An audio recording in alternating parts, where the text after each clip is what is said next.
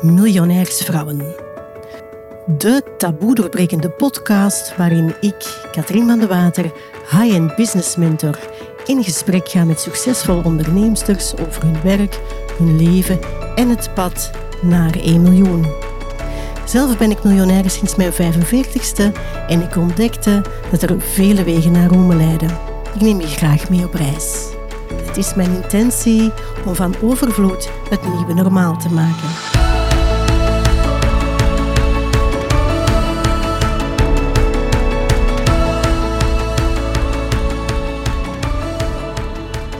Steffi. Hey. Jij bent Steffi Roos Dumain. Hè? Voor de mensen die jou nog niet zouden kennen, wie ben jij?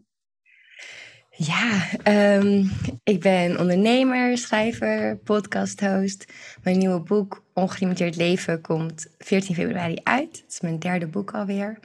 En verder heb ik een bedrijf groot gemaakt en vorig jaar verkocht.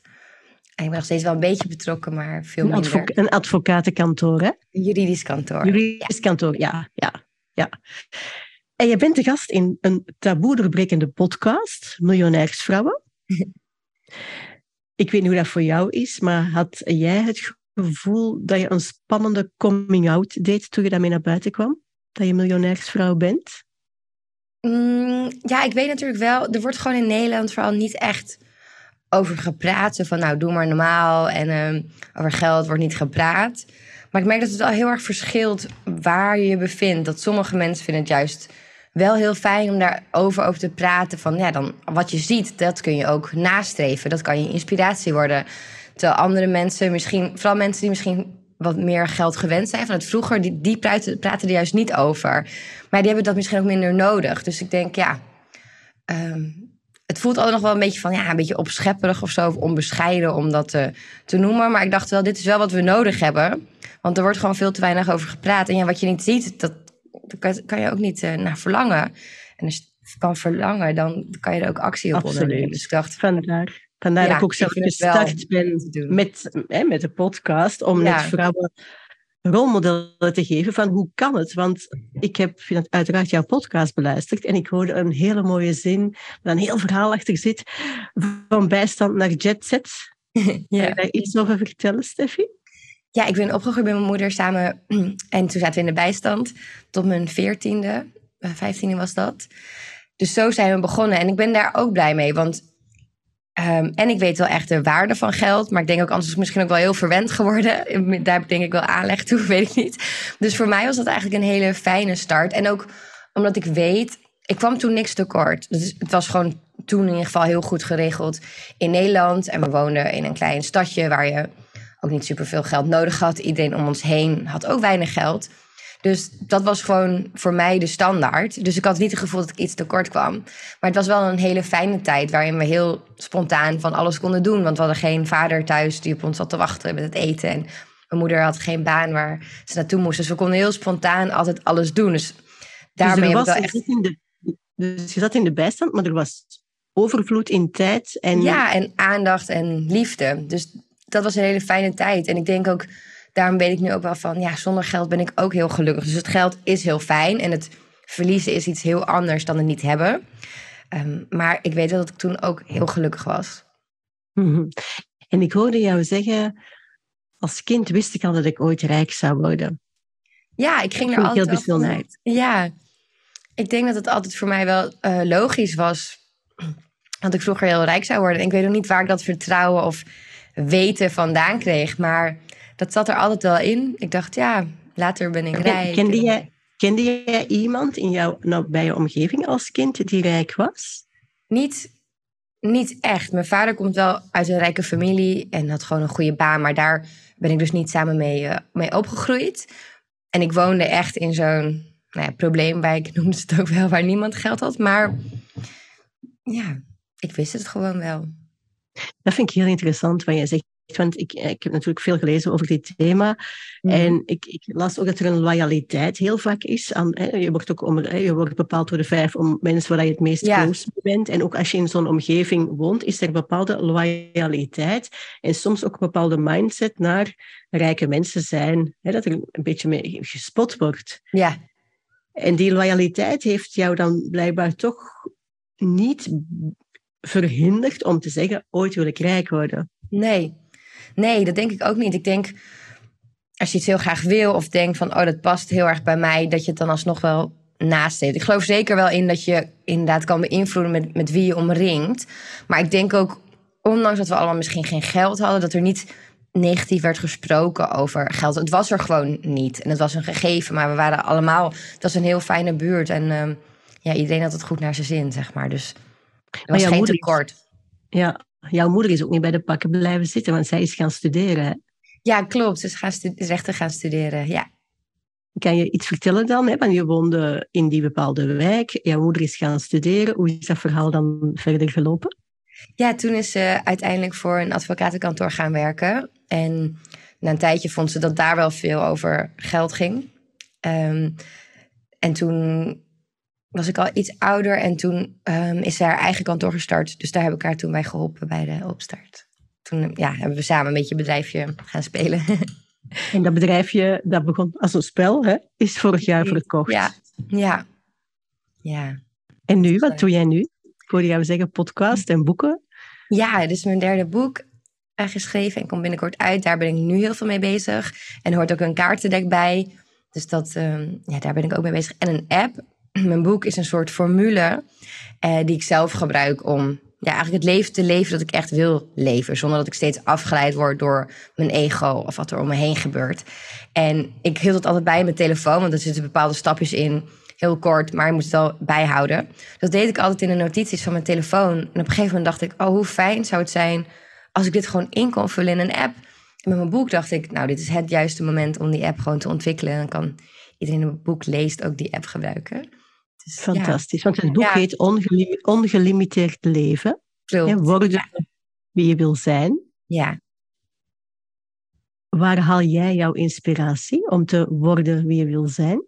Echt uit mezelf. En dat heeft me flink wat jaren gekost om dat te ontdekken. En ook om ja, daar goedkeuring misschien aan te geven. Omdat je toch snel geneigd bent van wat wordt er verwacht? Wat, wat doen anderen? Wat vindt de maatschappij? Onbewust word je daar toch heel erg wel door beïnvloed. Totdat je echt weer op zoek gaat naar van, maar wat vind ik nou belangrijk? En wat wil ik echt? En dat is ook een hele reis geweest bij jou, hè? Zeker. Ja. ja. het begon natuurlijk... Ik begon um, best wel snel al met ondernemen toen ik vrij jong was. En dat ging ook heel hard. En met heel veel verantwoordelijkheid kwam erbij. En heel veel werk. En ik had achteraf gezien gewoon heel erg de overtuiging ik moet hard werken, anders kan ik niet succesvol zijn. Want in mijn hoofd, en ik denk in heel veel van ons, hangen die twee gewoon samen. Hard werken en succes, dat, dat bestaat met elkaar. Je kan niet succesvol zijn zonder hard te werken. Dus ik had helemaal niet zo hard hoeven werken, maar ik was gewoon continu bezig met mezelf maar bezighouden, zodat ik hard aan het werk was. Ja, achteraf gezien denk je, waar was ik mee bezig? Maar als je dat, daarin zit, zo'n overtuiging, zie je natuurlijk niet van jezelf. En nou, ik stond echt wel op het puntje van omvallen tot ik op Burning Man kwam, vijf, zes jaar, zes jaar geleden alweer. Toen niemand het nog kende en ik had er zelf ook nog nooit van gehoord. Ik ging met een vriendin. Leuk idee leek het ons. En daar kwam ik echt in aanraking met allemaal spirituele dingen. Zoals ja, cacao-ceremonie en ecstatic dance en kaartjes trekken en mediteren. Boeddha-chanten. En toen dacht ik, oh wacht, dit is meer naar binnen gericht. Ik ben echt aan het voelen. En in het begin vond ik het allemaal heel eng. Maar na een tijdje dacht ik, dit is eigenlijk wel heel goed voor mij. Dit voelt wel goed. En, en dat was helemaal nieuw voor jou, die wereld? Ja, totaal. Ja, ik had daar helemaal nog nooit eigenlijk iets mee gedaan. Mm. En wat is er gebeurd met die oude overtuiging van ik moet keihard werken om succesvol te zijn? Ja, ik vind het nog steeds... Kijk, ik hou wel echt van het werk dat ik doe, maar ik hou mezelf nu niet bezig met wat ik niet hoef. Dus ik werk nu wanneer ik dat wil en omdat ik het leuk vind. Maar het voelt niet van ik moet hard werken. Ik vind juist als ik heel hard heb gewerkt, dan denk ik juist van oh, dan ben ik een beetje onsuccesvol, zeg maar tussen haakjes. In die zin van als ik zo hard moet werken, dan heb ik het niet goed geregeld. Dus dat denk ik nu eerder. Ja. Mhm. Dus je gaat eigenlijk continu kijken hoe kan ik slimmer werken? Ja, absoluut. En wie inspireert jou daarbij? Of komt het allemaal uit jezelf? Mm, ik heb wel een mastermind met wie ik het ook heb over dit soort dingen. En ik, heb, ik zit ook bij een entrepreneurs organization met wat grotere ondernemers waar we het ook over dit soort topics wil hebben. Dus daar kan ik ook wel uh, ja, kennis op doen, zeker. Internationaal? Nee, dat is- Nederland? ja, het is wel een internationaal netwerk, maar het is, eh, ik zit bij een nationale club, ja. Ehm, ik hoorde in jouw podcast dat jij intussen verloofd bent. Mhm, klopt, Eh, ja. gefel- Gefeliciteerd. Jij bent, als ik het goed geteld heb, 36. Ja. Ik heb als research voor deze podcast bij mensen nagevraagd, bij mijn followers, van ja, wat zijn vragen die dat jullie graag zouden hebben, die ik stel aan, hè, Ja. aan de vrouwen die ik interviewd. En er waren een aantal vragen in de richting van, goh, als je dan miljonair bent, en dat was voor mij ook een, een lange limiting belief, van ja, als ik, als ik miljonair eh, ben of word, dan gaat het moeilijker zijn om een man te vinden, want een man wil geen vrouw met veel geld. Ja, Hoe heb jij dat ervaren? Die had ik vroeger ook, voordat ik veel geld had, zeg maar. Toen dacht ik dat ook altijd wel. Totdat je ziet dat het eigenlijk niet waar is. Ik heb armere vriendjes gehad, rijkere vriendjes. En ik denk, de goede mannen die zien gewoon het in jou. En die, ja, die zijn er niet door bedreigd. Maar er zijn zeker ook wel, zijn ook wel vrienden van mij die dat ook gewoon eerlijk zeggen. Van ja, ik zou niet met jou daten, want ik wil niet een vrouw die succesvoller is. Dus dat soort mannen zijn er zeker. Maar gelukkig zijn er nog heel veel mannen die dat allemaal niet vinden. Dus nee, ik denk niet dat het een probleem eh, hoeft te zijn. Heb ik heb er geen last van in ieder geval. Heb jij iets omgedraaid qua mindset Ik denk, om jouw man te manifesteren? ja, ik heb zeker deze man wel echt gemanifesteerd. En dat was, ik had toen al lang niet meer die overtuiging van eh, mannen vinden vrouwen met geld niet leuk. Dat had ik niet. Maar ik was heel erg gesloten en ehm, heel veel muurtjes om me heen en altijd maar aan het werk. En ik liet niemand toe. En pas door die hele spirituele reis, toen die op gang kwam en ik eigenlijk mezelf beter leerde kennen en meer die verbinding opzocht, toen, kwam, ja, toen werd het eigenlijk veel makkelijker. Dus bij mij was dat hele proces van Omdat zelfontwikkeling heel belangrijk.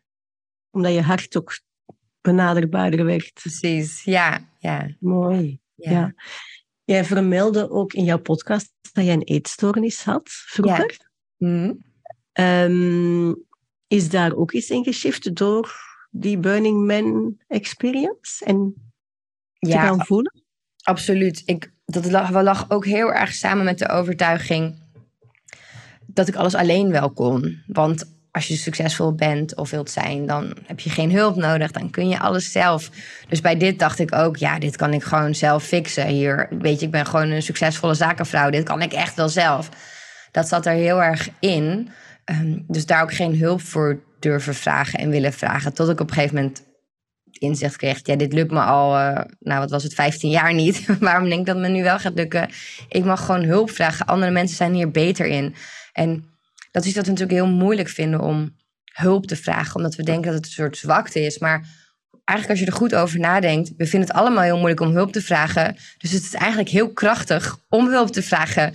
Want het is gewoon iets wat heel lastig is om te doen. We doen het liever niet. We doen liever alles maar zelf. Maar dat is niet sterk. Sterk is juist om te zien, hé, hier ben ik minder goed in. In dit geval mijn eetstoornis verhelpen. En andere mensen zijn hier wel heel goed in. Dus laat ik sterk genoeg zijn om hulp te vragen. En toen Ja, was het ook maar- echt eh, heel snel weg. Dus dacht ik, had ik dit maar 15 jaar eerder gedaan. Dat is heel mooi wat je zegt. Hè? Ik hoor een paar limiting beliefs die je had van oh, je moet super hard werken om succesvol te zijn. Mhm. Ehm, ik moet het allemaal alleen doen. Die heb jij gelukkig omgedraaid, want het tegenovergestelde kan net zo goed waar zijn. Precies. Als je die twee niet had omgedraaid, en ook van die man heb je ook omgedraaid, hè? Mhm. dus er zijn er al drie die ik hoor. Geloof jij dat je succesvol was geworden zonder die omkeringen? Ja, ik denk wel dat ik succesvol was geworden, alleen niet gelukkig. Want ik geloof wel dat je met heel veel beperkte overtuigingen best succesvol kan zijn. Ik als we ook om ons heen kijken, zijn genoeg eh, ook mannelijke bijvoorbeeld miljonairs waarvan ik denk, moi, er er zou wel wat veranderd kunnen worden aan overtuigingen.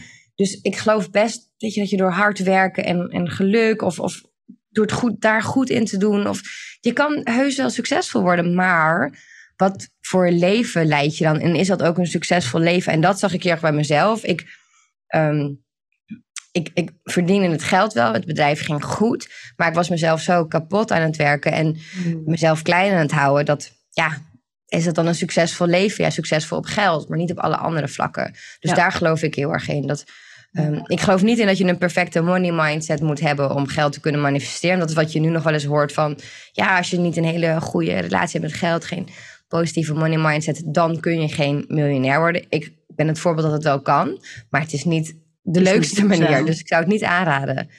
Ja, ja, voor mij is dat ook een heel interessante nuance tussen miljonair zijn of conscious miljonair. Ik noem een conscious miljonair iemand die inderdaad dat pad ook van... Daarom vind ik van jouw verhaal ook zo inspirerend, want voor mij gaat dat ook samen. Het is niet alleen business, maar het, is, het gaat hand in hand met persoonlijke ontwikkeling. Als je het op een bewuste manier en op een duurzame manier wil doen.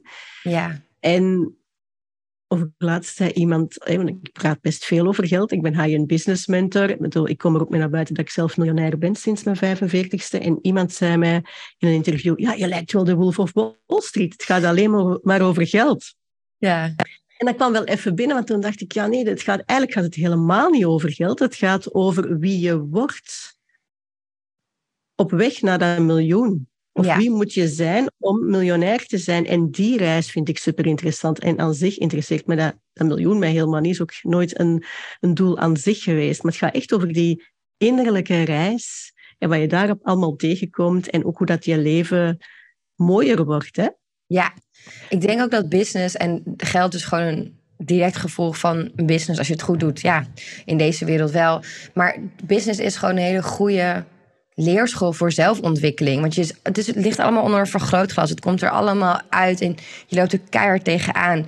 En dat vind ik het leuke aan een business hebben. Inderdaad, dat het gewoon een hele fijne manier is om jezelf te ontwikkelen. Absoluut. En dan kom ik bij jou. Geld is daar het gevolg van. Absoluut. Ja. ja.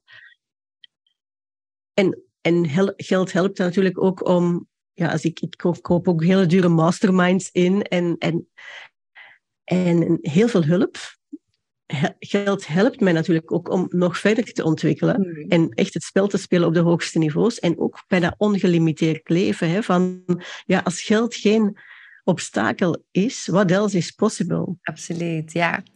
Ja, daar heb ik het ook wel over in mijn nieuwe boek inderdaad. Van, geld maakt dat heel makkelijk, het, maar het is niet nodig. Je, het is, soms zien we geld ook als iets van, oh dan beginnen we nog maar niet. En dan houden we onszelf nu al tegen, maar dan komen we daar dus ook niet.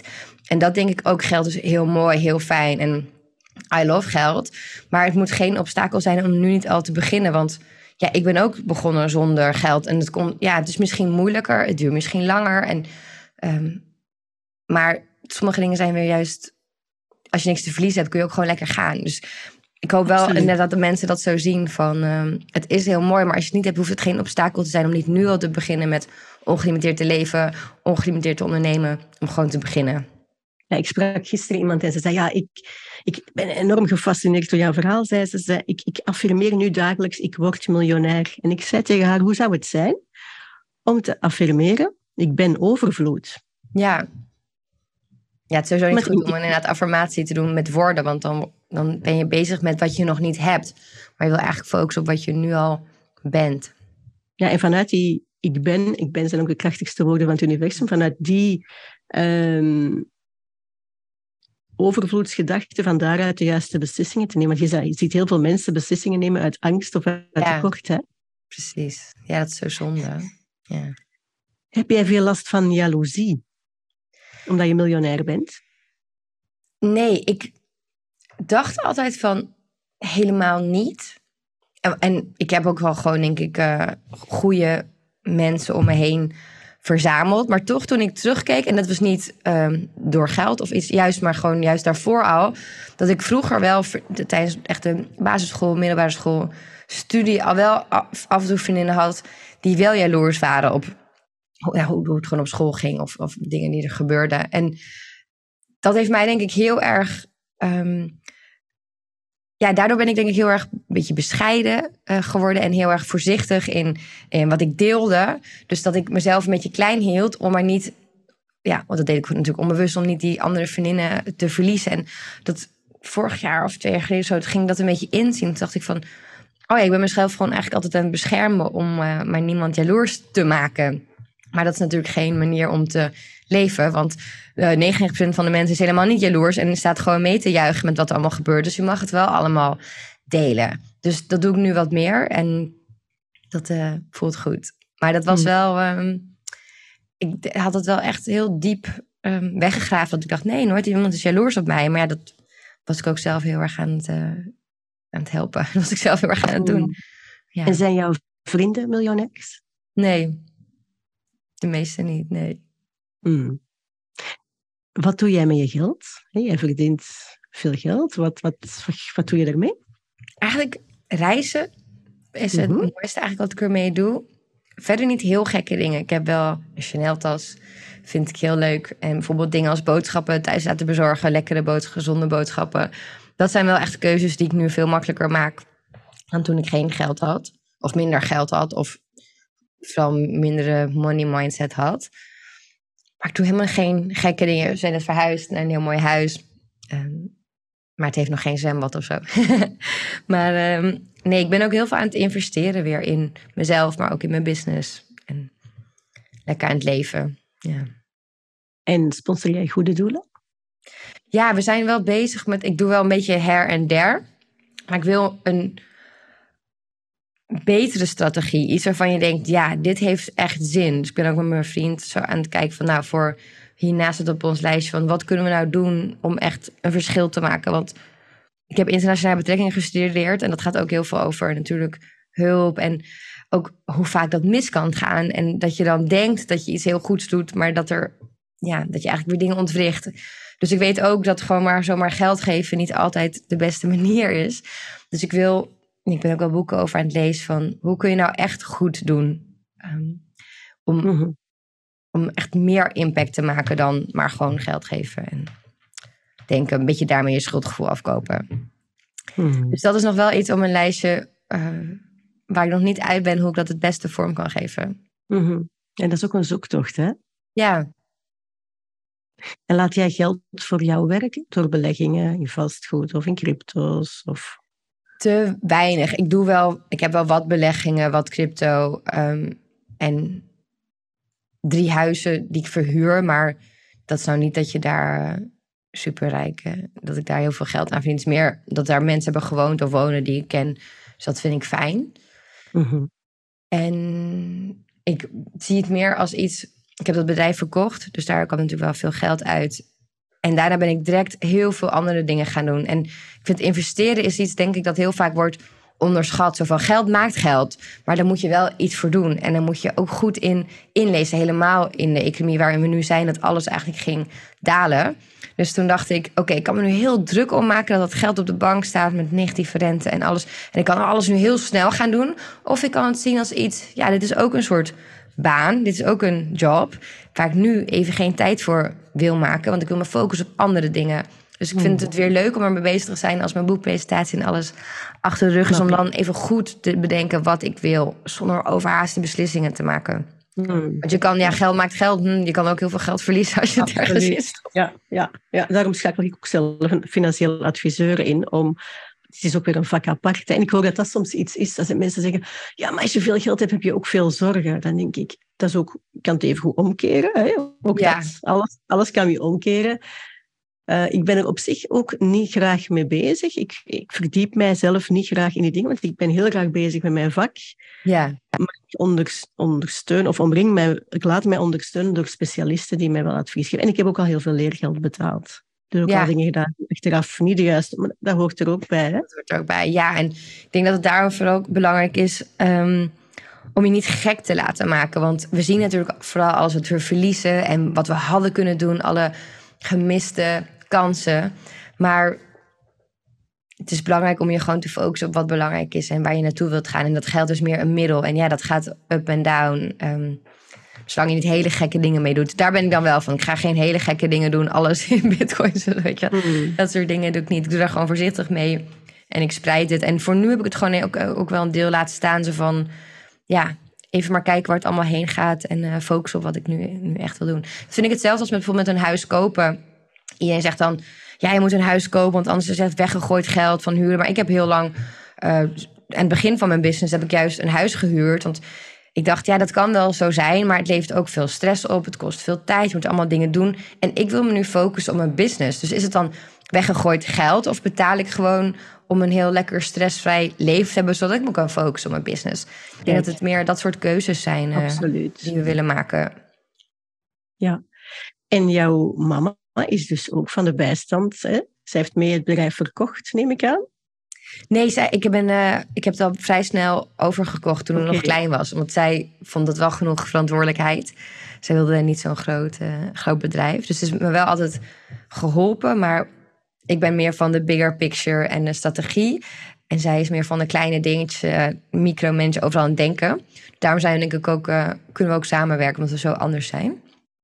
Maar ze heeft intussen wel een heel ander leven dan destijds. zeker, in ja. Ja, Mooi, hè?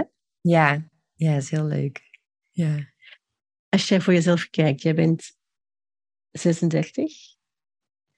Als ik het goed tel. Klopt. Ongelimiteerd leven. Wat zie jij voor jou? Voor jezelf? Ja, heel veel reizen nog. Dat vind ik wel echt heerlijk. Ik denk dat ik wel te weinig heb gedaan. Doordat ik altijd heel hard aan het studeren was en daarna heel hard aan het werk. Dus dat vind ik wel heerlijk om, eh, om nu weer te kunnen doen, ook na corona.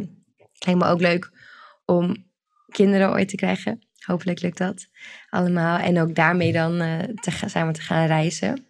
Dan echt een lange ja, tijd vrij te nemen. Dat lijkt me heel mooi. Ik wil sowieso meer schrijven, want schrijven is wat ik echt het liefste doe. Dus dat ik daar nu tijd voor heb en tijd voor kan maken, dat voelt ook wel echt mega ongelimiteerd leven. Dat ik kan doen wat ik zo leuk vind. Nieuwe business nog weer starten, ook zeker. En de business die ik nu heb rondom mijn boek en alles uitbouwen.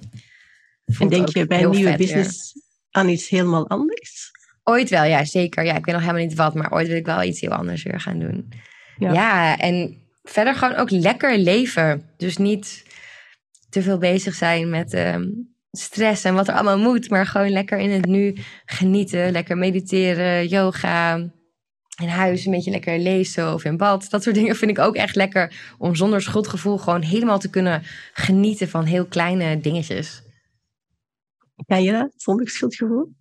Ja, tegenwoordig wel. Maar dat heeft me ook wel heel lang geduurd. En nog steeds denk ik soms wel... oh, maar ik moet het nog even afmaken. En ik moet het nog even doen. En dan denk ik, nee, nu gewoon even weer hier lekker genieten.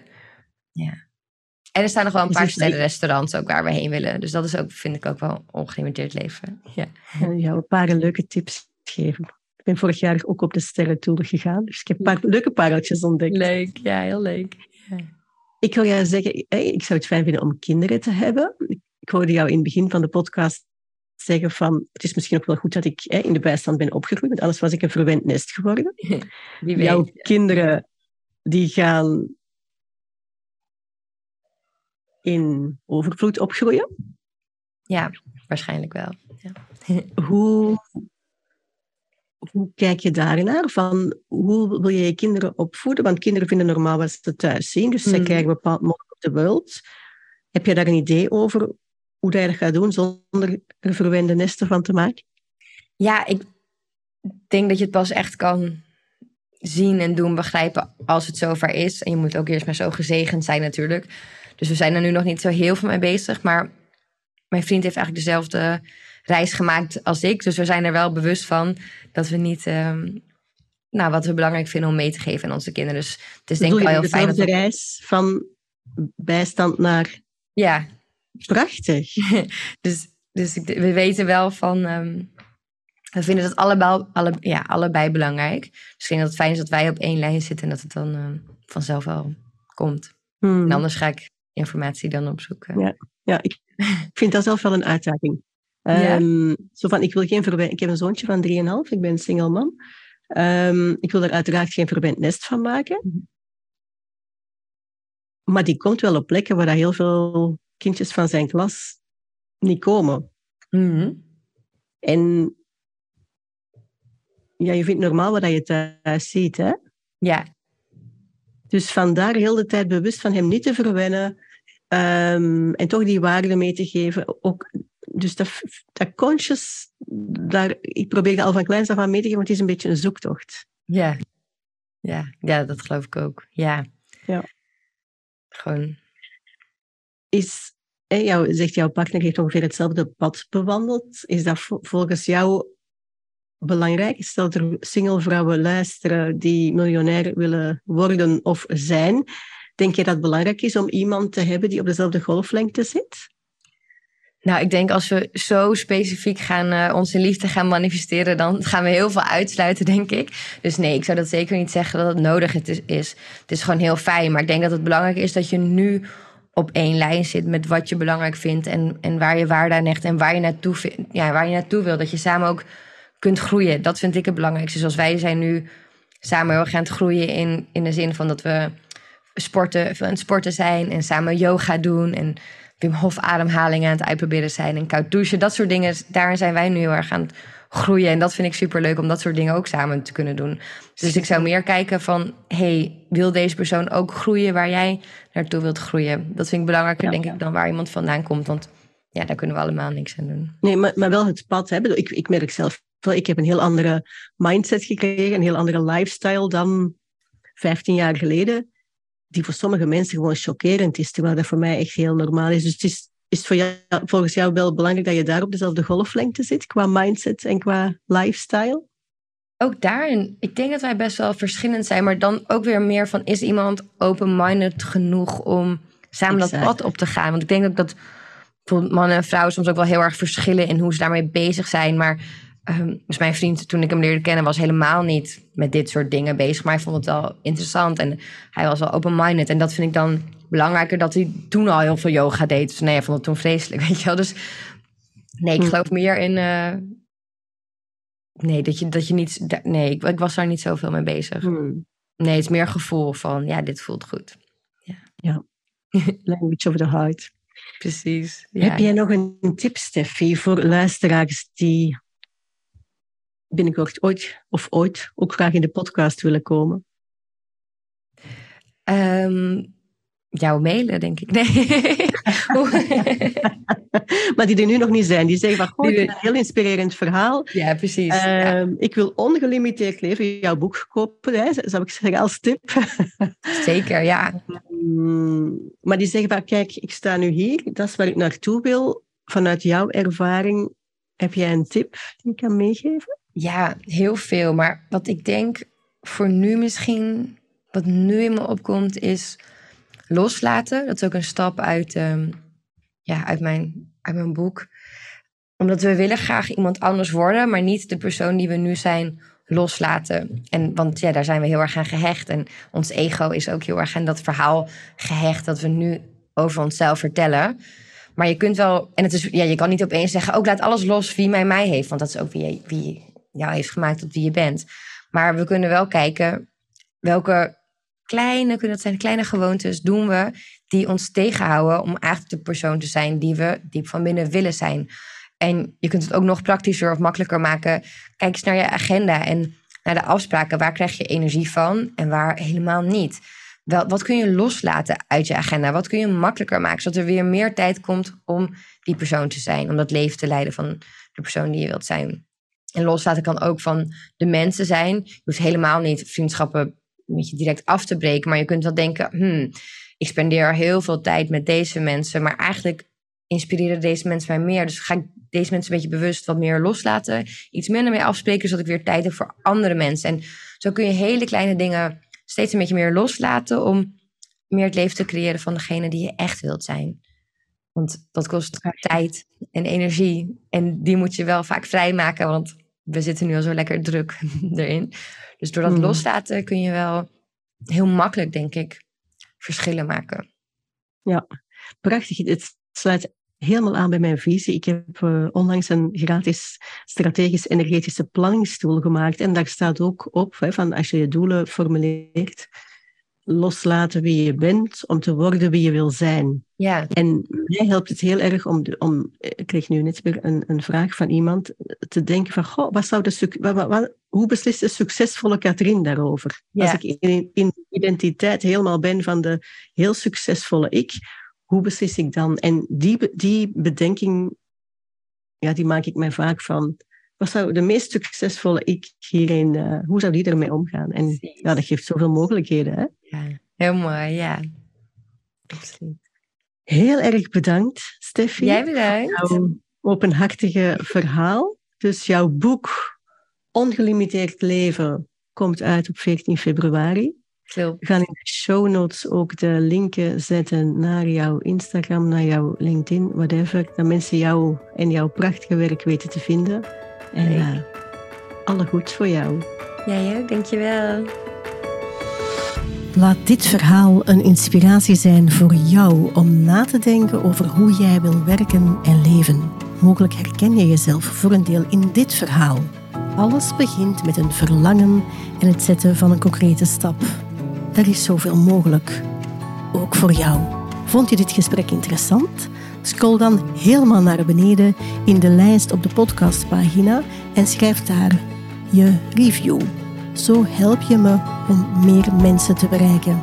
Dank je wel alvast. Heb je graag dat ik met je meedenk op je pad om ook miljonairsvrouw te worden, zodat jij dagelijks joy, ease en abundance ervaart? Vraag dan een gratis strategie-sessie met me aan via de link in de show notes.